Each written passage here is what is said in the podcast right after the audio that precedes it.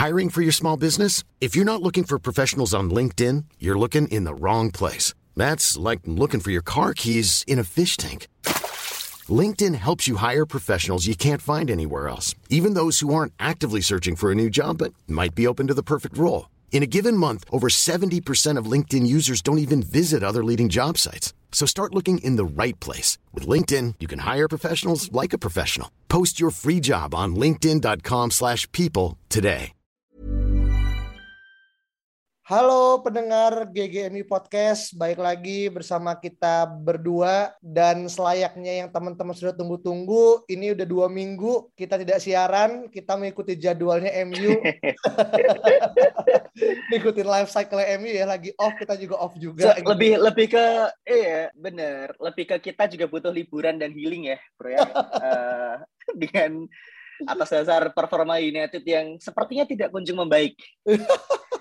ini adalah self reward buat kita ya mengeluarkan diri sejak dari kejenuhan betul. MU gitu kan dan tapi selama dua minggu ke belakang nih betul, Om betul. Uh, ada banyak hal yang sebenarnya terjadi dan hmm. mungkin uh, kita ingin bahas sedikit kali ya tentang apa sih yang mungkin uh, keluputan nih dari sisi kita kemarin dua minggu gitu kan. Kita mulai dari yang pertama dulu deh terkait dengan adanya obrolan uh, interview antara board MU dengan beberapa calon uh, penggantinya Ralf Ragnik di akhir musim gitu kan. Dan dua nama yang mencuat itu adalah uh, Pochettino uh, lagu lama ya dan juga Eric Ten Hag nih uh, The Freshman gitu kan. Nah ini hmm. masih terus berlangsung ya sampai sejauh ini gitu. Belum ada decision yang dibuat tapi rumor terlalu yeah. selalu bergejolak nih setiap hari gitu kan. Bahkan baru saja Fabrizio Romano ngebuat uh, update situation terkait dengan bagaimana Ten Hag yang kemudian demand beberapa hal nih. Dari lu ada nggak sih tanggap tanggapan sedikit terkait dengan rumor ini, Ung? Menurut gue sih sebentar lagi kita akan melihat uh, sisi terang ya,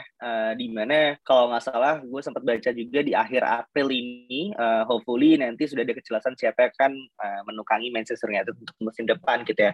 Memang benar kayak dua nama uh, yang lo sebutin tadi, Mauricio Pochettino dan juga Erik Ten Hag itu mungkin uh, ini ya leading candidate sekali ya karena nama-nama yang lain kayak misalkan uh, Luis Enrique kita tentu dia akan fokus dengan uh, timnas oh, Spanyol iya. kita gitu di World Cup betul dan uh, Lopetegui juga kayaknya bukan nama yang cukup uh, favorit gitu ya di antara fans Manchester United gitu. Jadi memang di antara dua nama itu dan dua-duanya juga menurut gua fokus di liga aja ya kalau nggak salah ya karena hmm. udah udah di kompetisi yang lain juga mereka udah eh, nggak uh, ada asa jadi menurut gue sih secepatnya sih betul ya secepatnya di di bulan April ini sih uh, hopefully udah ada nama siapa yang akan menjadi Manchester United uh, manajer Manchester United selanjutnya. Hmm, iya iya. Dan kita semua fans ini menunggu ya terkait dengan kabar ini karena ini baik lagi benar kata Saung titik terangnya akan akan segera muncul gitu kan. Dan harapannya ya kita boleh yeah, hilalnya akan terlihat nih.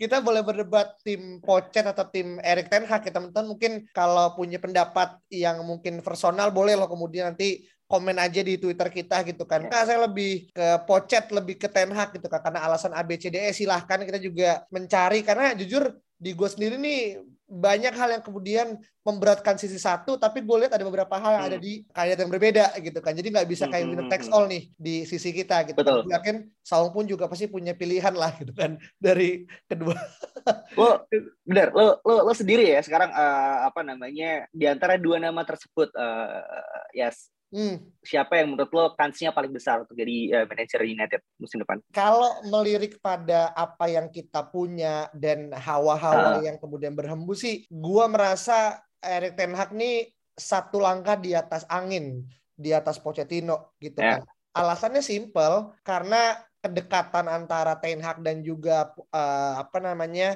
uh, Rangnick gitu kan dan juga menurut gua uh, kita diuntungkan dengan beberapa hal yang memang prosesnya tuh seolah kita tuh, tuh butuh rebuilding gitu kan. Dan orang yang cocok untuk menangani hal tersebut menurut gua ke Erik Ten Hag gitu kan. Uh, gol Pocet gua melihat bahwasanya secara style permainan secara apa yang akan dibawa most likely nggak akan jauh membuahkan sebuah uh, revitalisasi yang yang yang ekstrim ya di MU dan gue butuh orang yang kemudian berani merombak squad berani untuk kemudian um, membuahkan sebuah strategi yang baru termasuk adalah memain, memberikan kesempatan untuk pemain muda untuk kemudian tampil sebagai starting eleven itu sih yang menurut gue jadi uh, alasan sih kalau untuk ke, hmm. ke Ten Hag ya. Kalau lu setuju atau bahkan memberikan opini berbeda nih?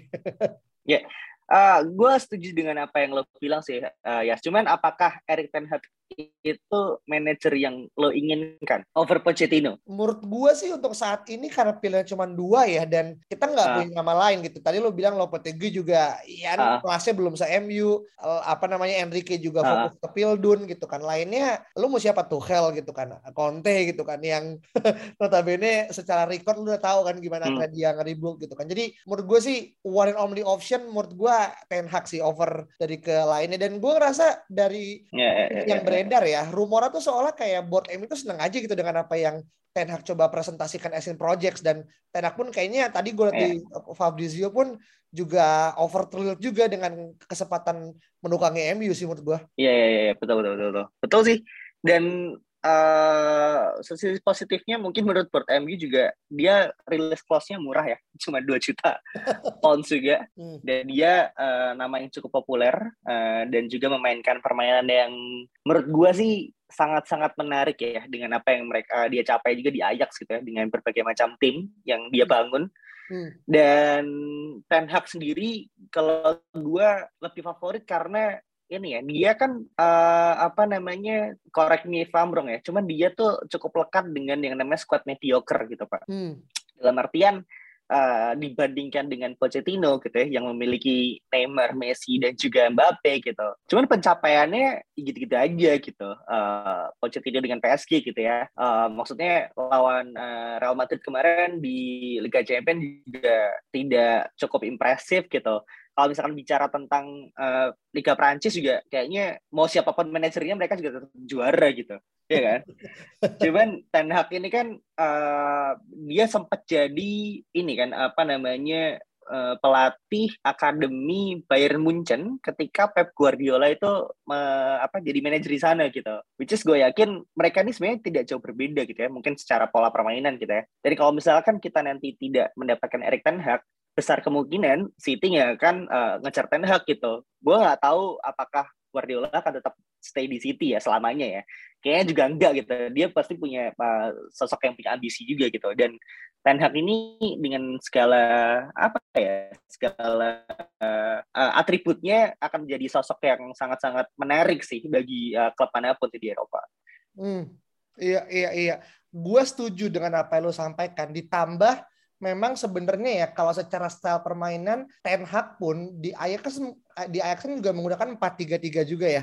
Yang itu mungkin yeah, agak mirip yeah, dengan yeah. apa yang kita uh, lakukan juga meskipun kita kadang freestyle dengan 4-2-3-1 gitu kan. 4-5-1 cuman menurut gue style dia sama lah gitu.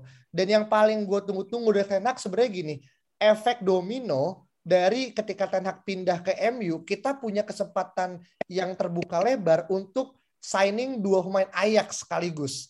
Menurut gue Anthony hmm. dan juga Gravenberch itu adalah dua potensial apa ya players yang yang potensi sangat udah teruji di Ajax itu kan dan kalau Ten Hag pindah nggak ada alasan kemudian lu nggak akan ngebo ngeboyong dua ini dibandingkan Pochet yang dengan full squad pemain bintang di PSG dan gue nggak yakin pemain PSG tertarik untuk gabung ke MU jadi menurut gue ini kita ngomongin tail effect-nya Ten Hag jauh lebih banyak ketimbang dari ya. Pochet kayak gitu sih. Betul.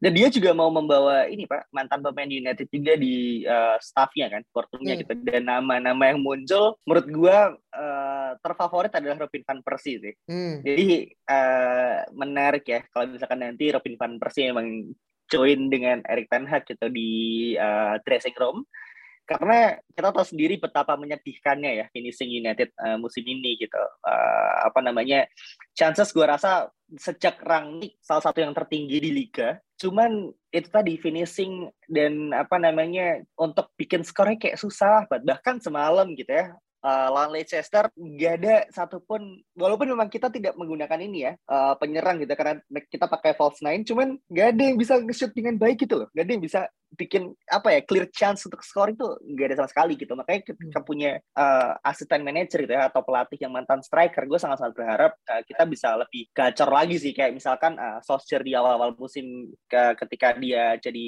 manager ya kayak hmm. gitu hmm. Iya iya, memang membahas masalah asisten pelatih ini sebuah komoditas juga ya karena kemarin kan ya, banyak beberapa nama muncul ya, ya Ruth van Nistelrooy lah, ya kemudian ya, ya Abstam oh. lah, terus juga Robin van Persie, Rio ya. Ferdinand ya. dan beberapa udah mulai menunjukkan hasilnya ya. Let's say Ferdinand udah confirm kalau dia nggak akan terjun kan dan itu disampaikan secara langsung ya di kanal YouTube-nya Ferdinand gitu kan. Uh, Ruth van Nistelrooy gitu kan, Ruce udah jadi manajernya PSV PSV Eindhoven gitu kan. Beberapa hari yang lalu udah udah sign deal gitu kan. Yapstam dia udah memberikan sebuah klarifikasi dan dia sangat tertarik untuk kemudian balik ke MU gitu kan. Uh, tapi kita mempertanyakan masalah uh, teknis kepelatihan dia gitu karena dia belum pernah nanganin uh, apa namanya uh, tim dengan sekaliber yang uh, top uh, tim ya gitu. Cuman elite klubnya lebih kepada elite youth dan juga tim dari divisi yang uh, peringkat bawah gitu. Ini kemudian menjadi pertanyaan. Dan Robin van Persie tadi yang lu bilang memang secara sejarah dia nggak sebanyak Ruce ataupun uh, dua lainnya. Cuman menurut gue kebutuhan dia sebagai orang yang akan mengisi posisi sebagai assistant manager terutama ketika kita akan mendatangkan striker muda ya uh, asumsinya karena Ronaldo kan masih bertahan dia akan menjadi sosok vital sih buat gue sih. Ya betul. Setuju sih gue. Hmm, iya nah cuman gini ini balik ke tenak sedikit ya karena ini menurut gue obrolnya cukup hmm. seru gitu kan ada dua hal yang sebenarnya memberatkan hmm. Erik Ten Hag untuk uh, ke MU gitu dan ini banyak selalu disorot oleh pendukungnya Pochet. Satu, uh, dia tidak pernah menangani uh, tim besar dalam artian tim besar dengan skuad yang elit ya uh, di garis bawahi gitu kan. Ya. Yang kedua adalah dia belum pernah mencicipi atmosfer uh, Liga Inggris yang di mana kayak tahu sendiri Liga Inggris sebagai negara yang kick and rush punya cara bermain yang berbeda gitu kan. Dan ini udah diakui sama berbagai macam pelatih gitu kan. Yang mana nggak semua pelatih yang kemudian bagus di liga luar di liga Inggris kemudian bisa uh, bisa gacor gitu kan. Ya oke okay lah kita punya nama kayak uh, apa Tuchel gitu kan dan beberapa nama yang kemudian bagus cuman beberapa juga fail juga nah menurut lu ini akan menjadi sebuah uh, pemberatkah buat Erik Ten Hag ketika dia dipilih sebagai next manager buat MU? Ya kalau misalkan alasannya karena Liga Inggris adalah liga yang berbeda dengan liga-liga lainnya ya. Gue rasa itu sangat-sangat uh, naif sih dalam artian Liga Inggris itu sebenarnya secara quality gue yakin uh, bersaing lah gitu ya. Dengan uh, liga-liga yang lain gitu. Dan juga uh, apa namanya opini mengenai Liga Inggris tuh wah sangat-sangat berbeda lah gitu. Nggak yakin gue apakah uh, Ten Hag akan sukses gitu ya di di Premier League gitu. Terus kalau kalau misalkan eh, kita lihat nama yang lo nama-nama yang lo sebut tadi ya gitu. Kayak Tuchel, kayak Klopp bahkan atau hmm. bahkan Guardiola gitu ya. Hmm. Atau bahkan kalau misalkan kita mundur sedikit ada Conte waktu dia pertama kali datang langsung juara sama Chelsea gitu. Ya. Atau yeah. mundur lagi ada Arsene Wenger bahkan yang yang sebelum ke uh, Arsenal dia main di Jepang gitu ya, jadi manajer di klub Jepang itu kayak hmm. apa ya? Bukan bukan suatu alasan yang cukup valid gitu karena setiap manajer kan akan membawa ininya ya uh, apa namanya uh, visi filosofinya masing-masing gitu. Jadi ini akan menjadi sesuatu hal yang menurut gue sangat menarik sih dalam artian Erik Ten Hag mungkin belum memiliki nama yang besar gitu ya seketika pindah ke Premier League gitu. Jadi misalkan kayak Conte atau misalnya kayak Jose Mourinho atau kayak Guardiola gitu ya, di mana kayak seakan kan ya lo harus sukses nih gitu. Cuma kan ini kan Erik Ten Hag yang kita tahu uh, dia uh, lebih aktif di Jerman dan juga di Belanda. Dia belum pernah menangani tim besar kita with all due respect to Ajax. Cuman uh, Manchester United pasti whole different atmosphere kita dibandingkan dengan Ajax gitu. Jadi memang tantangan yang cukup apa ya, cukup besar sih, bahkan sangat besar gitu. Malah justru tanggung jawabnya tuh ada defense-nya sih menurut gua gitu ya. Bagaimana kita bisa support si manajer baru ini untuk bisa sukses dan juga bersabar gitu bahwa enggak apa ya ketika dia masuk tuh kita nggak akan serta merta semudah membalikan tangan bahwa kita akan sukses sih gitu karena hmm. kita juga perlu kasih mereka waktu gitu kalau misalkan di musim ini gitu ya kita tidak main di Liga Champions ya I think is a very good thing sih karena eh, ini akan menjadi eh, apa namanya musim yang cocok gitu untuk untuk kita mencoba atau beradaptasi dengan eh, manajer yang baru. Mm-hmm, mm-hmm. Iya iya dan juga memang sebenarnya ya apa yang tadi eh, Saung sampaikan sebenarnya divalidasi juga oleh hasil Tenak. Bayangin tahun 2018-19 yeah. Tenak berhasil nganten Ajax ke uh, semifinal Champions League loh ya gitu kan. Yang ini dengan skuad yang yang kalah sama Pochettino ya. Iya benar. iya iya iya meskipun nggak sama Pochettino gitu dan itu cukup dramatis ya uh, semifinal antara Ajax dan juga uh, Tottenham menurut gue tuh one of the apa ya uh, craziest match lah yang gue pernah tonton di Liga Champions gitu kan. Dua-duanya giant killer. Uh, sayangnya dari dua-duanya nggak ada yang uh, juara Liga Champions gitu kan. Tapi Riga with all the respect dengan Ajax segala macam menurut gue ya kadang kita nggak butuh apa ya pembuktian sampai itu terbukti gitu kan kayak lu bilang ya, uh, apa namanya Ten Hag kemudian belum terbukti di Premier League ya kalau dia nggak diberi kesempatan gimana cara dia ngebuktiin kan? Sesimpel itu kan? Nggak akan ada sebuah betul. kalau nggak ada pengalaman betul, betul. bener kan? Ya meskipun orang bilang ya tapi kan pengalamannya nggak mesti harus di MU dulu dong. Harus mungkin dia mungkin bisa ke let's say Tottenham dulu atau Hotspur dulu gitu. Ya baik lagi. Ya Erik Ten Hag menurut gue kalau kita nggak secure dia dalam waktu cepat, menurut gue dia punya potensi untuk kemudian menyamai apa yang pun dilakuin sama uh, Pep Guardiola ya. Ini regardless dia sama-sama hmm. botak dan sama-sama berfilosofi gitu kan. Tapi dan itulah kenapa mungkin akhirnya eh, Sheikh Mansur kemudian ingin mengincar Ten Hag karena mengincar belt connection ya. kan?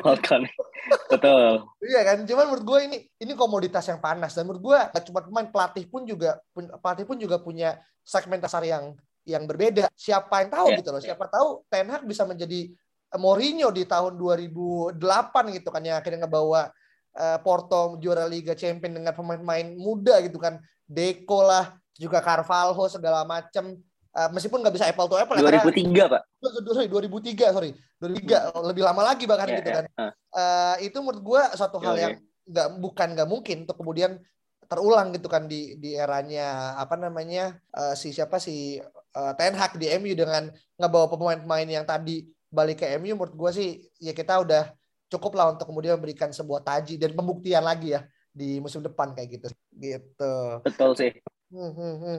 Dan juga mungkin gini, ini mungkin biar nggak berat sebelah ya Ung ya. Gue hmm. takut nih pendengar GGMU ini melihat kalau oh, ini bias nih terlalu menggiring opini gitu kan berarti kan bebas nilai gitu. Betul. kan GGMU ini tidak disponsori oleh siapa pun gitu kan. Meskipun kita dianggap mungkin anggap buzzernya tenak tapi ini bebas kok gitu kan. Nah gue mungkin mau nanya lah tentang pocet lah gitu. Gue mau nanya ke lo apa sih dua hal yang mungkin lo ngerasa even though kita tadi cenderung bahasnya Ten Hag, tapi apa dua hal yang mungkin lo rasa Pochet tuh juga punya value untuk ditambahkan ke MU untuk musim depan, Om? Kenapa Pochettino punya value? Mungkin yang pertama bahwa dia bisa uh, apa namanya memiliki achievement yang cukup oke okay gitu ya dengan apa yang dia raih di Tottenham uh, pada saat itu final Liga Champion walaupun uh, performa di final mereka gitu ya Tottenham tuh sangat-sangat menurut gue underperforming sekali sih kayak sayang sekali gitu loh kenapa mereka tidak bisa uh, juara Liga Champion gitu karena Liverpool pada saat itu juga nggak sewow itu menurut gue gitu itu satu cuman ya tadi uh, achievement mereka dengan apa ya achievement Pochettino dengan Tottenham pada saat itu memang kita harus apresiasi gitu. Itu yang pertama. Yang kedua adalah dia memiliki uh, experience kali ya. Dia punya start yang lebih dulu gitu ya, bertahun-tahun di Liga Inggris. Dia tahu bagaimana cara uh, manajer-manajer ini bermain gitu ya. Uh, Klopp gitu, Guardiola gitu.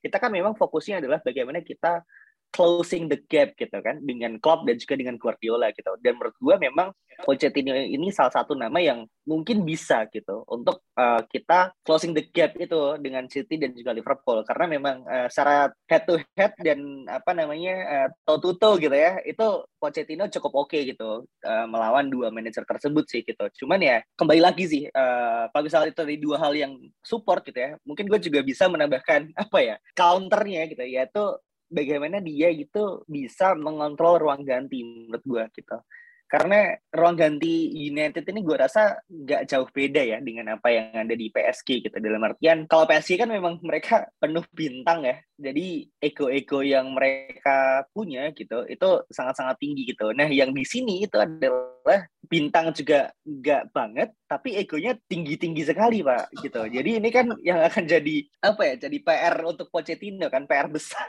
gitu loh. Kalau di Tottenham nggak semuanya punya ego sebesar itu gitu. Mungkin hanya hanya ada dua atau tiga gitu di Harry Kane, uh, Son dan juga Hugo Lloris gitu kan. Cuma di United ini kan sangat banyak ya. Sementara performa mereka itu tidak bisa menjustifikasi ego tersebut gitu. Tidak tidak tidak seperti uh, eh, PSG gitu. Jadinya akan sangat-sangat complicated sih. Kenapa uh, Pochettino ini akan bisa sukses menurut gue di Manchester United gitu sih. Cuman dua nama ini menurut gue akan apa ya masih akan menjadi oase sih atau fata morgana di di musim yang sangat-sangat kering ini sih. Uh, Plus siapa yang akan menjadi manajer selanjutnya ya? Yeah, menurut yeah. gue sih seperti itu. I see, I see. gue gue tertarik ya untuk mengomentari pemain MU itu nggak semuanya bintang tapi egonya melebihi apa yang seharusnya mereka lakukan gitu kan. Iyalah. ini ini ini sebuah tamparan dan sebenarnya kan sebuah sarkasme ya uh, tentang iya, bagaimana. Yeah. Gue sempat gue sempat ini pak. Apa tuh? Uh -uh, gue sempat ingat uh, interviewnya Mourinho gitu.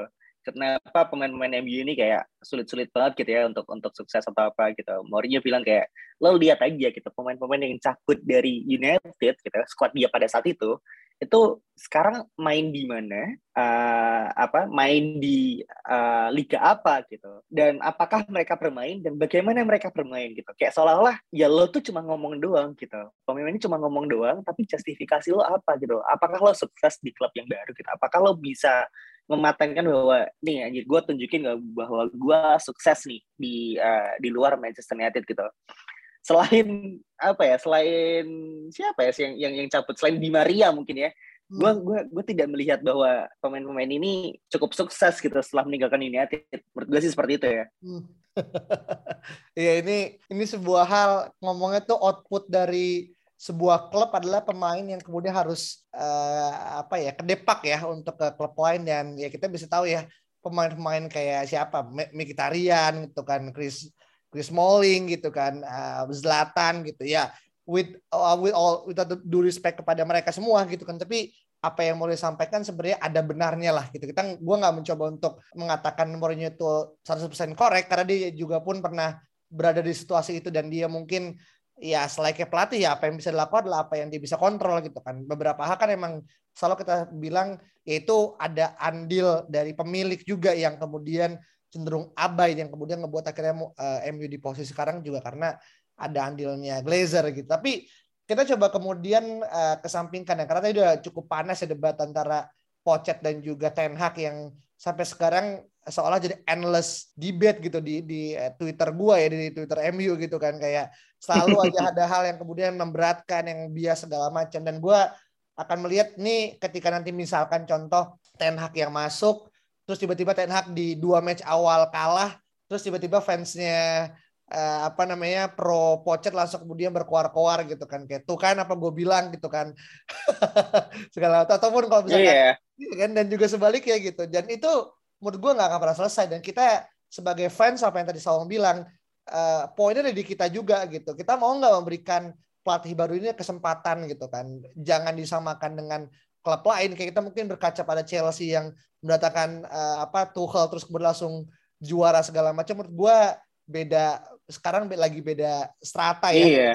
Lihat Iya, lihat aja maksudnya ketika Tuchel masuk, lihat aja squadnya seperti apa gitu. Lihat aja bagaimana uh, manajemen Chelsea ya, sangat sangat mendukung Frank Lampard pada saat itu ya, untuk untuk untuk sukses gitu. Entah berapa berapa pemain yang mereka beli gue nggak ngerti sih. Mungkin hampir starting eleven tuh mereka semuanya baru gitu. Dan Tuchel masuk di mana situasi pada saat itu belum terlalu toksik ya menurut gue gitu. Jadi lebih lebih cukup mudah untuk untuk untuk dia uh, menghandle ruang ganti untuk untuk sukses gitu dan akhirnya mereka menang Liga Champions. Cuman ya kembali lagi gitu, apakah fans ini bisa bersabar dengan uh, apa kita yang sekali lagi gitu ya melakukan rebuild, membangun kembali setelah uh, I, I don't know how many gitu ya, selama 10 tahun ini dan juga bagaimana manajemen ini bisa berkomitmen untuk mendukung manajer yang baru ini untuk sukses sih. Jadi hmm. sebenarnya dua dua hal itu aja gitu karena agak aneh gitu kenapa kita selama 10 musim gitu ya dengan berbagai macam manajemen apa ya dengan berbagai macam manajer yang memiliki kaliber yang luar biasa gitu ya nama-nama yang mungkin bukan bukan uh, nama yang biasa gitu ya apart from David Moyes of course cuman mereka kan kenapa sulit sekali untuk sukses gitu di di Manchester United gitu hmm. ini ini ini ini yang menjadi pertanyaan sih dan ini apa ya bukan semata-mata hanya tentang manajernya aja buat gue gitu apalagi di zaman sosial media seperti sekarang gitu ya hmm. di mana setiap satu game gitu misalkan Harry Maguire mainnya jelek gitu itu habis banget gitu pasti di di sosmed di Twitter pasti dia habis banget lah gitu hmm. siapa pun itu pasti uh, habis gitu dan uh, sisi sisi apa ya mental para pemain ketika lo main jelek abis itu lo buka Twitter lo lo baca uh, tweet-tweet yang kejam gitu ya dari dari para fans lo pasti akan mempengaruhi psikologis lo untuk main lagi kan gitu dan ini kan yang harus harus harus kita jaga bersama menurut gue gitu sih. Iya iya iya iya. Oke, Nah, ini sebenarnya nyambung ya pada uh, bahasan berikutnya nih yang kita juga kemarin selama dua minggu uh, sempat miss gitu kan. Bahwasanya uh, ini ada yang yeah. bilang uh, kayaknya regardless Pochet ataupun uh, Ten Hag, pemain ini nih akan menjadi tetap menjadi kunci gitu kan. Buktinya dia akan mm. mendapatkan uh, apa namanya kontrak kontrak extension gitu kan. Nah, kita tahu lah uh, dia beliau siapa gitu kan dan kemarin rame banget di semua sosmed MU tuh dari mulai top 10 goals uh, chance dia dan segala macam Q&A gitu kan dan uh, he's a Bruno Fernandes gitu kan dia tekan kontrak sampai 2027 gitu kan uh, yang mana um, banyak orang menganggap ini sebuah berita baik tapi banyak orang menganggap nggak tahu ya ini ada beberapa suara minor yang mengatakan kalau sebenarnya uh. ya Fernandes nggak cukup uh, apa fit kalau misalnya kita menggunakan skemanya uh, Erik Ten Hag gitu ada yang bilang seperti itu segala macam lah. Nah, lu sendiri menanggapi uh, Bruno yang kemudian mendapatkan kontrak extension dan dia menjadi pemain ketiga termahal ya di MU saat ini gitu kan di ya. bawah uh, De Gea, Ronaldo, uh, eh, De Gea, Ronaldo dan juga dan baru ketiga Bruno gimana tanggapan lo, Ung? Gue melihat Bruno Fernandes tanda tangan kontrak gitu ya di posisi United seperti sekarang gue udah bersyukur banget sih pak gitu. Dalam artian ini kan pemain yang hot prospect ya. Dia salah satu pemain yang uh, world class lah menurut gue di posisinya gitu. Dan gue yakin dengan kondisi United seperti sekarang gitu klub-klub lain tuh pasti pasti akan cari celah gitu bagaimana mereka bisa menggoda Bruno Fernandes untuk cabut dari Manchester United gitu jadi menurut gua gitu tanda tangan Bruno Fernandes gitu ya untuk untuk menjalani how many years gitu 2026 kalau nggak salah oh, iya, di iya. Manchester iya. United uh, itu hal yang sangat bagus menurut gua lo siapa pun nanti manajernya gitu karena memang pemain kan aset ya dalam artian gue yakin Erik Ten Hag maupun Pochettino nggak mungkin tiba-tiba akan nge, apa ya menyingkirkan Bruno Fernandes gitu. Karena memang ini ini, ini pemain memang punya punya taji gitu. Ini orang memang pemain kunci di posisinya gitu sih. Jadi dengan kondisi nanti seperti sekarang dan dia masih mau tanda tangan kontrak menurut gue itu hal yang sangat bagus. Oke, berarti buat lo nih uh, sebenarnya kayak tunggu to be true ya. Karena menanggapi permasalahan MU yang seolah nggak kelar-kelar gitu kan dengan proses pelatih juga yang mungkin belum ada fixnya uh, Fernandes kemudian mm -hmm. kontrak itu adalah sebuah oasis seperti itu ya Ung ya? Ah ya, atau mungkin atau mungkin Bruno Fernandes udah tahu nih siapa manajer selanjutnya gitu. Hmm. Makanya dia mau menandatangani kontrak. Ngerti nggak? Jadi kayak Iya, iya. Iya, lo tanda tanda aja gitu karena manajernya tuh nanti ini dan dia uh, uh, is very big fan of your work gitu dan dia pasti akan menjanjikan bahwa lo akan main segala macam ini itu ini itu gitu. Jadi banyak hal yang kita nggak tahu sih sebenarnya gitu. Cuman kalau menurut menurut lo apakah ini too soon atau memang right on time? Yes. Uh, menurut gua ya sebenarnya gini kalau ngomongin terkait dengan kontrak yang uh, masih menggantung ada tiga pemain sebenarnya kan. Pertama Bruno, kedua Pogba ketika Shaw gitu kan. Dan menurut gue uh, kalau Bruno gue taruh di di bawahnya bahkan di bawahnya uh, Luke Shaw ya gitu ya. kemungkinan yang mungkin ada kemungkinan untuk pindah tapi gue nggak yakin tapi sebenarnya yang perlu untuk di result pertama sebenarnya Pogba gitu kan. Setidaknya ada semacam kayak club statement lah dia cabut atau enggak gitu kan. Yang menurut gue tuh jauh lebih concerning gitu karena menurut gue kontrak itu regardless cuma sekedar pena yang ditandatangan tapi itu dampaknya sampai ke tahapan pemain gitu kan. Pada bagaimana dia bermain dan segala macam gitu. Jadi menurut gue Bruno Fernandes akan kontrak sekarang apakah tusun mungkin iya tapi uh, semoga ya. Ini karena juga tadi kan Fernandes kan tekan kontrak kalau nggak salah bulan Maret akhir ya gitu ya. Apa April awal gue lupa deh tapi kemarin. Harapan ini menjadi sebuah series of happiness ya buat MU selain dari kemarin hasilnya yang akan kita bahas kemudian hasilnya bapuk tapi menurut gue semoga dari Baik. mulai Fernandes terus juga mungkin akan pindah ke Luxio gitu kan. Mungkin ya karena Luxio akan uh, berakhir juga gitu kan. Dan ditutup dengan uh, apa namanya pelatih gitu ya akan kemudian uh, uh, menampilkan uh, sosoknya gitu kan. Tapi sih menurut gue ya apa yang lo sampaikan Fernandes sudah tahu iya mungkin. Karena kan orang dalam ya baik lagi kita nggak pernah tahu apa yang terjadi. gitu kan.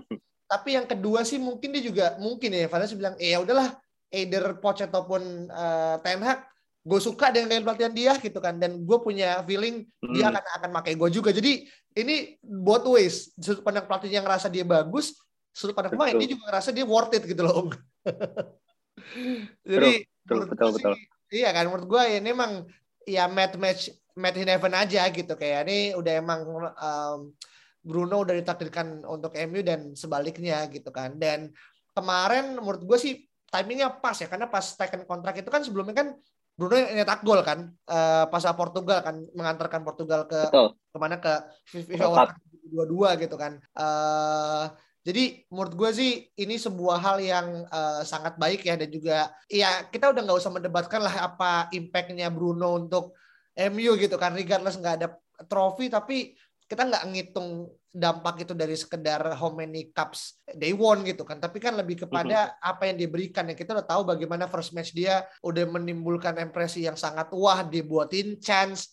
Bahkan dia bilang ya di Q&A sendiri di Twitter kan kayak apa momen terbaik lo bersama MU dia bilang the best yet is, is yet to come gitu. Kayak momen terbaik itu belum datang. Yeah. berarti kan juga kan dia tuh haus akan akan gelar gitu. Dan dia nggak kayak pemain lah oh iya gue tuh momen terbaik ketika gue nyetak gol di ini. Padahal dia tahu gitu pemain sekali, sekali berdia nggak cukup untuk nyetak gol. Pemain sekali berdia fokus pada bagaimana meraih eh, gelar untuk tim. Menurut gue gitu sih. Betul, setuju gue. Dan mungkin kita bisa ini ya sedikit menarik uh, momen yang lebih recent gitu ya setelah setelah Bruno Fernandes tanda tangan kontrak gitu. Esoknya kita bermain melawan Leicester City, hmm. di mana uh, tentu harapan banyak yang uh, timbul gitu ya, bagi yang muncul uh, setelah dua minggu tidak bermain uh, sepak bola gitu kita tidak menonton Manchester United di mana menurut gue itu momen-momen yang sangat indah gitu ya dua minggu yang sangat indah gitu. Peaceful. Peaceful uh, di Twitter juga uh, ramai hal-hal yang menarik lainnya gitu ya.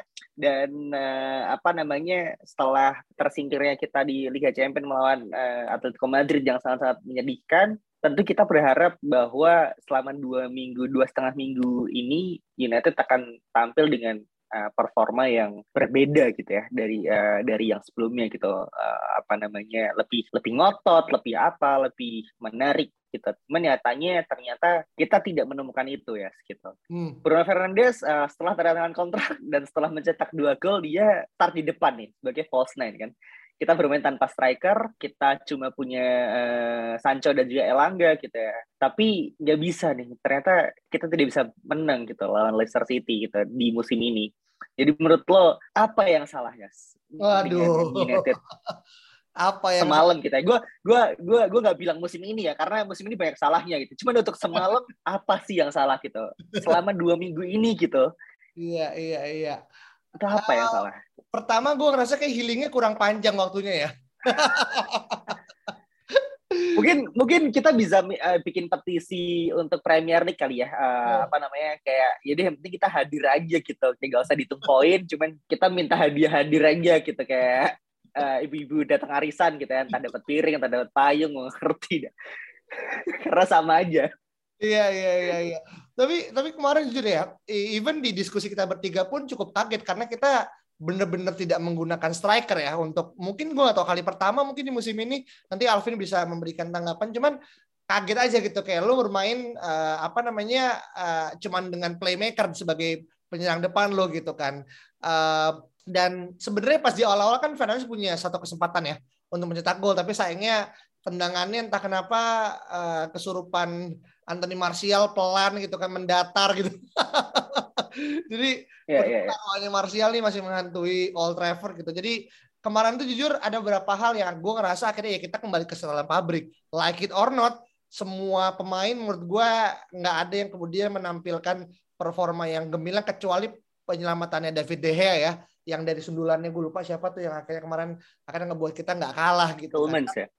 Iya kayaknya ya. Itu itu yang babak kedua. Ya babak kedua gue inget ya kayak gitu kan. Tapi uh, kemarin tuh jujur ya kayak seseorang Fred kan yang kembali mencetak gol. Dan by the way congratulations buat Fred yang udah melakukan debut ke 100 ya buat MU dan mencetak gol. Menurut gue dia salah satu pemain yang underrated kemarin. Tapi uh, pemain yang menurut gue cukup mendapatkan harus mendapat apresiasi kan MOTM buat gue uh, selain dari David De Gea gitu kan. Tapi kemarin jujur ada banyak faktor yang akhirnya ngebuat Simply kayaknya udah kehilangan motivasi aja gitu dan kalau ngomongin target untuk musim depan Liga Champions itu seolah kayaknya agak lumayan jauh nih dengan apa yang kemudian uh, kita coba harapkan gitu kan dari pertandingan kemarin gitu. Selain emang Arsenal dan juga uh, Tottenham masih punya beberapa games in hand, cuman gue ngerasa nggak layak aja untuk masuk ke empat besar dari pertandingan kemarin. Nah, ini kan dari gue ya. Gue mau lihat dari sosok Alvin yang kemudian punya pendapat yang cukup pedas gitu kan terkait dengan formasi MU yang kemudian tidak bermain tanpa striker. Ada nggak catatan khusus dari lu selain emang Ronaldo emang flu ya yang nggak bisa main segala macam? um, formasi ya. Kalau Bruno Fernandes kemarin menurut gua dari sisi strategi sebenarnya semua udah bagus ya di atas kertas. Tapi again ternyata implementasinya jelek. Dan menurut gua kalau kita lihat dari awal ya sebenarnya babak kedua sih. Itu MU kelihatan udah nggak mau main lagi gitu. Mirip kayak pas kita lawan City di babak kedua. Kayak seolah tuh pemain udah pada menyerah. Yang mana menurut gue ini udah um, ranahnya lebih ke masalah dressing room. Kayaknya kita juga udah pernah bahas ini bahwa kayaknya memang pemain nggak mau main buat Rangnick gitu. Yang um, sisi apa strateginya bagus, implement um, apa ide-idenya banyak dan revolusioner, tapi ya pemain simply nggak suka aja dengan caranya gitu loh. Kayak lo tengah-tengah ganti style 180 derajat dari yang tadi yang mungkin sit deep dan dikasih kreativitas sebanyak mungkin tiba-tiba lo harus bermain secara rigid. Lo harus pressing kayak gini lo harus posisinya begini kayak gitu. Mungkin kalau pergantiannya di di awal musim itu bakal nggak apa-apa gitu karena waktunya lebih panjang. Tapi sekarang uh, terlalu cepat dan juga mungkin ya kalau misalnya kita bandingannya Chelsea gitu kan yang bisa tiba-tiba Liga Champions gitu mungkin memang mereka udah terbiasa dengan cara seperti itu gitu loh tapi MU udah bertahun-tahun bahkan mungkin dari zaman mau juga ya itu cara mainnya begitu. Jadi menurut gue ini udah ranahnya udah bukan masalah strategi lagi tapi juga lebih ke arah motivasi kayak gitu sih. Dan itu sangat disayangkan bahwa pemain seperti tidak ingin bermain lagi gitu. Itu itu um, agak agak apa ya memalukan sih untuk um, sisi di mana pemain udah nggak mau main dan fans harus disuguhkan untuk permainan yang seperti itu dari minggu ke minggu ya. Bahkan kalau bicara empat besar menurut gue kayak ya it's done aja sih udah selesai menurut gue kayaknya kita bakal kesalip sama Wolves bahkan. Kita rank, rank 8 aja menurut gue gue nggak kaget sih kalau kita rank 8 men ini Alvin nih tiba-tiba hadir dengan sebuah apa pesan pesimis ya. Tapi gue balik ke Saung lagi nih karena Saung kan sebagai orang yang cheer up kan yang selalu kemudian menjadi badut tentang MU gitu kan. Lo ada nggak mungkin Ung yang yang nggak lo setuju dari pernyataannya Alvin kalau bahkan kita mencapai 8 besar aja lewat pertandingan kemarin tuh kayaknya tuh true gitu, Ung. 8 besar masih bisa lah uh, apa namanya melalui jalur belakang kali ya. Kayak gue ngerti apakah ntar uh, manajemen MU bikin petisi atau bikin uh, push-push macam apa gitu ya ke Premier League cuman kita tidak seburuk itu sebenarnya gitu kalau misalkan uh, tadi Alvin bilang bahwa uh, apa namanya pemain-pemain ini tidak ingin bermain lagi untuk Rangnick menurut gue sih terlalu berlebihan kali ya. Cuman hmm. lebih ke mereka udah nggak punya motivasi aja sih pak gitu. Mereka mereka semua sudah menganggap bahwa uh, musim ini udah selesai gitu. Udah uh, udah tidak ada lagi hal yang menurut mereka udah bisa dicapai gitu. Seolah-olah mereka udah menerima kayak ya udahlah dua main uh, Europa League aja gitu sih. Dan kalau misalkan tadi uh, Alvin bilang bahwa formasinya udah bagus gitu. Mungkin mungkin lo terlalu sering nonton City kali Vin.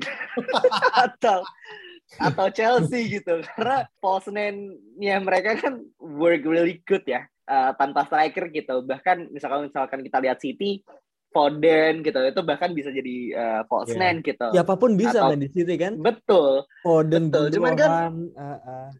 betul cuman Bruno Fernandes juga tadi semalam gue rasa tidak memahami posisi yeah, itu dengan yeah, baik yeah, ya. Yeah, yeah. Jadi kayak seolah kayak gitu. Iya, seolah dia kayak masih uh, apa masuk terlalu dalam gitu. Mereka mereka masih apa uh, Bruno dan juga Pogba ini masih seolah-olah masih sejajar gitu. Jadi kayak it doesn't work really well gitu untuk untuk Manchester United gitu. Karena iya itu tadi gitu. Menurut gue dua setengah minggu ini harusnya bisa dipakai untuk memantapkan formasi yang lebih matang gitu sih dan memilih pemain yang selama dua setengah minggu ini berlatih di Carrington Washington alih-alih memainkan pemain yang sibuk di uh, kualifikasi kualifikasi World Cup sih. Menurut gue sih harusnya seperti itu gitu. Mm -hmm. Iya. Dan sebenarnya banyak ya kejadian-kejadian yang menurut gue cukup embarrassing ya dari ke kemarin yang paling parah tuh sebenarnya rebutannya Rashford dan juga Elang.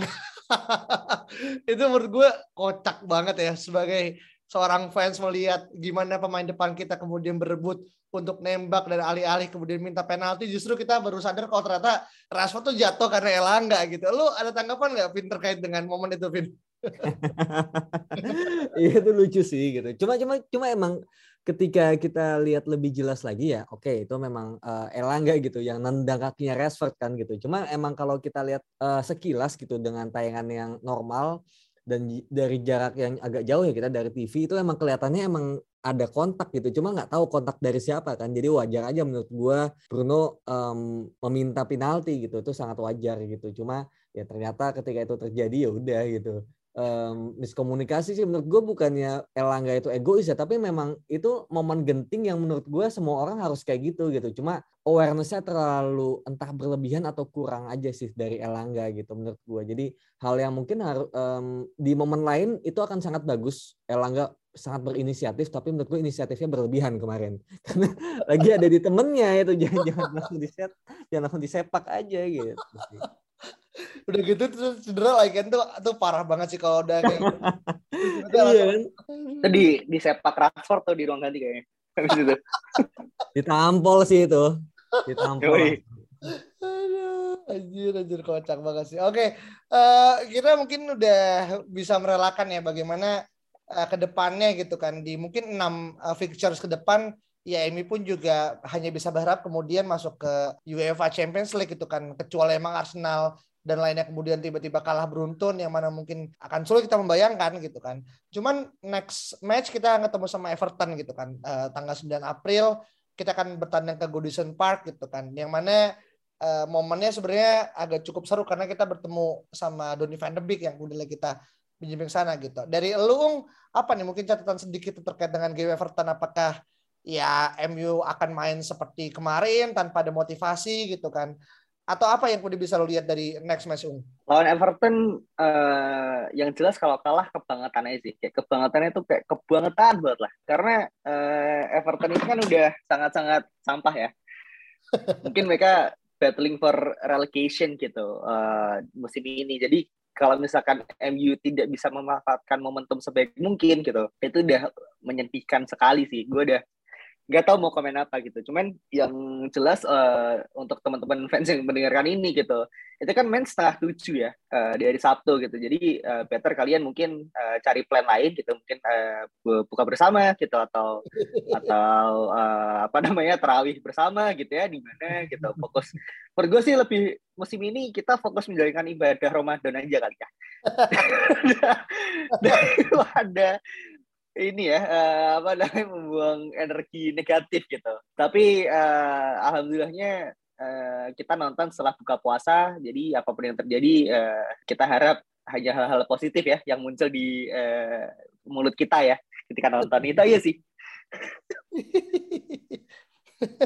At least puas kita nggak nggak batal lah ya gara-gara nonton MU kan sebagai sebuah selamat gitu. Uh, dari, dari lu Vin, uh, apakah lu akan mencoba stick dengan formasi false nine lagi atau lu masih berharap uh, salah satu striker kita Cavani dan juga Ronaldo bisa balik ke uh, pitch Vin? Um, ya, gue pingin ada kayak apa ya kayak menyerah aja lah maksudnya dalam arti gini menyerah untuk musim ini dan ya kita lakuin hal yang nggak pernah kita bayangkan sebelumnya gitu. Contohnya misalnya tadi gue baca um, ya udahlah kita coba aja mainin salah satu striker yang mungkin dia pernah mention ya dulu uh, McNeil kan kayak hmm. gitu. Kita lagi kehilangan Ronaldo, Cavani, Martial, Greenwood dulu kita punya empat striker kan nggak ada gitu kan. Itu kan sebenarnya sebuah iya kayak apa ya kayak um, sangat-sangat tidak beruntung kita gitu. Empat striker kita hilang semua untuk case yang sangat-sangat berbeda masing-masingnya gitu. Jadi uh, menurut gue ya harusnya gitu ya nggak nggak ada alasan gitu. Kayak lu mau fight tapi di lapangan kayak gitu gitu. Kenapa lu nggak coba kasih pemain yang benar-benar uh, hungry gitu akan sebuah kemenangan atau menit bermain gitu. Alih-alih malah kasih ke pemain yang udah kayak udah males-malesan gitu sih. Jadi harusnya kayak gitu. Cuma kan gue yakin nggak akan itu nggak akan terjadi ya gitu Hannibal aja udah nggak pernah main lagi gitu, nggak pernah ada kabarnya lagi gitu. Gimana McNeil yang nggak tahu pernah latihan atau enggak gitu. Cuma kalau gue lihat lawan Everton, um, tadi benar lagi relegation battle dan barusan juga kalah lagi lawan Ham. Jadi kayaknya emang mereka lagi in bad form dan juga mental yang sangat-sangat buruk jadi menurut gua dan dengan permainan Lampard yang sangat menyerang ya, maksudnya dia attacking football, menurut gua harusnya ini momentum buat MU untuk bisa menang ya. Menurut gua sih harusnya kayak gitu di atas kertas. Karena kalau bisa lawannya Leicester atau lawannya Watford itu kan MU pegang bola mulu gitu, agak susah. Tapi dengan uh, tipikal yang begini, menurut gua harusnya MU bisa menang. Oke, jadi sebenarnya kalau secara lawan ya, gue bisa ngebaca Everton mungkin agak mirip kayak Leeds United kali ya, Vin ya? Iya, bisa dibilang begitu. Pemain terbuka, menyerang gitu kan. Iya, iya. Attack football yang itu sangat menjadi syarat menjadi ini banget sarapan apalagi pas zamannya Ole gitu kan pas dulu iya, kita iya, iya. Ole mungkin bisa skornya bisa 4 sampai 5 kosong gitu kan tapi ya sekarang berbeda. Dan kalau tadi Alvin sempat nyebutin memberikan uh, apa ya mungkin peluang kali ya untuk beberapa pemain muda untuk tampil ya karena nanti tulus juga kan buat kita juga gitu kan. Toh juga kalau misalkan turun ke peringkat 8 nggak akan nggak akan degradasi juga segala macam gitu. Cuma memang agak agak berat ya karena uh, kalau kita ngomongin secara beberapa pemain beberapa pemain tuh latihan juga kemarin di minggu lalu ya kayak Charlie Savage terus juga Berjun Hadley juga kemarin sempat ikut latihan juga sama ya tapi menurut gue tuh gimmick aja kali ya karena Ragnik pun juga nggak sebegitu yakin kali ya dengan dengan komposisi main muda. Bahkan ya kalau sedikit ngomongin main muda ya, orang dulu nyebut nama-nama Mejbri dan juga Shola Soletiri gitu kan. Sekarang nih orang tuh udah mulai pindah by the way, udah nggak lagi menyebut mereka sebagai wonderkid gitu. Gue nggak tahu apakah mereka udah jarang dapat main makanya nama mereka turun tapi secara youth team pun kadang mereka udah udah nggak lagi sebagai sebagai orang yang kemudian digadang-gadang. Gue nggak tahu ya ini benar apa enggak, cuman hmm. ya nanti itu akan menjadi pembuktian lah dari bagaimana kemudian mereka dapat bermain sih kayak gitu. Gitu. Dari Saung nih ini terakhir lah gitu. Uh, skor nih karena nanti tulus Ung. Lu mau nyebut 10-0 pun ya kita akan tetap membahas, kita akan tetap memberikan review gitu either way. Kayak Bruno Fernandes saya trik sih menurut gue. Nanti ada yang ini, ada yang nagih lagi di Twitter. Nanti kan habis itu, eh habis itu hat trick beneran kan? Atau atau sebelum itu ya? Gue lupa sih. Enggak, enggak. Kan kan. Enggak ya. Kan, atau atau Atletico ya? Atletico, uh, uh. Iya iya iya iya iya iya. Ini kayak ya kita, kita sejarah ya ini. buat buat kita ya. gue nggak tahu skornya berapa ya karena memang uh, eh, gue mau bilang skornya tinggi tinggi pemain depannya sampah semua gitu. Jadi uh, harapan gue mungkin kita nanti insya Allah akan clean sheet lah. Itu target ya. Ya itu malah menurut gue hal yang paling sulit ya untuk dikasih lebih gampang namanya, daripada clean sheet namanya namanya kan berharap pak iya sih oke oke oke Sip, itu pembahasan tentang uh, review Leicester juga preview uh, Everton. Kita masih menunggu apakah ada kejaiban yang mungkin hadir gitu kan. Uh, syukur-syukur kalau kita masih masuk ke empat besar atau mungkin lima besar gitu kan. Tapi we'll see sampai dengan akhir musim dan juga buat teman-teman yang tadi dengar dari awal uh, kita juga masih menunggu ya bagaimana MU akan mengumumkan siapa sih pelatih untuk musim ke depan. Itu aja dari kita. Thank you so much. Sampai jumpa pada pertemuan berikutnya. Bye-bye. Hi, I'm Daniel, founder of Pretty Litter. Cats and cat owners deserve better than any old-fashioned litter. That's why I teamed up with scientists and veterinarians to create Pretty Litter. Its innovative crystal formula has superior odor control and weighs up to 80% less than clay litter. Pretty Litter even monitors health by changing colors to help detect early signs of potential illness. It's the world's smartest kitty litter. Go to prettylitter.com and use code ACAST for 20% off your first order and a free cat toy. Terms and conditions apply. See site for details.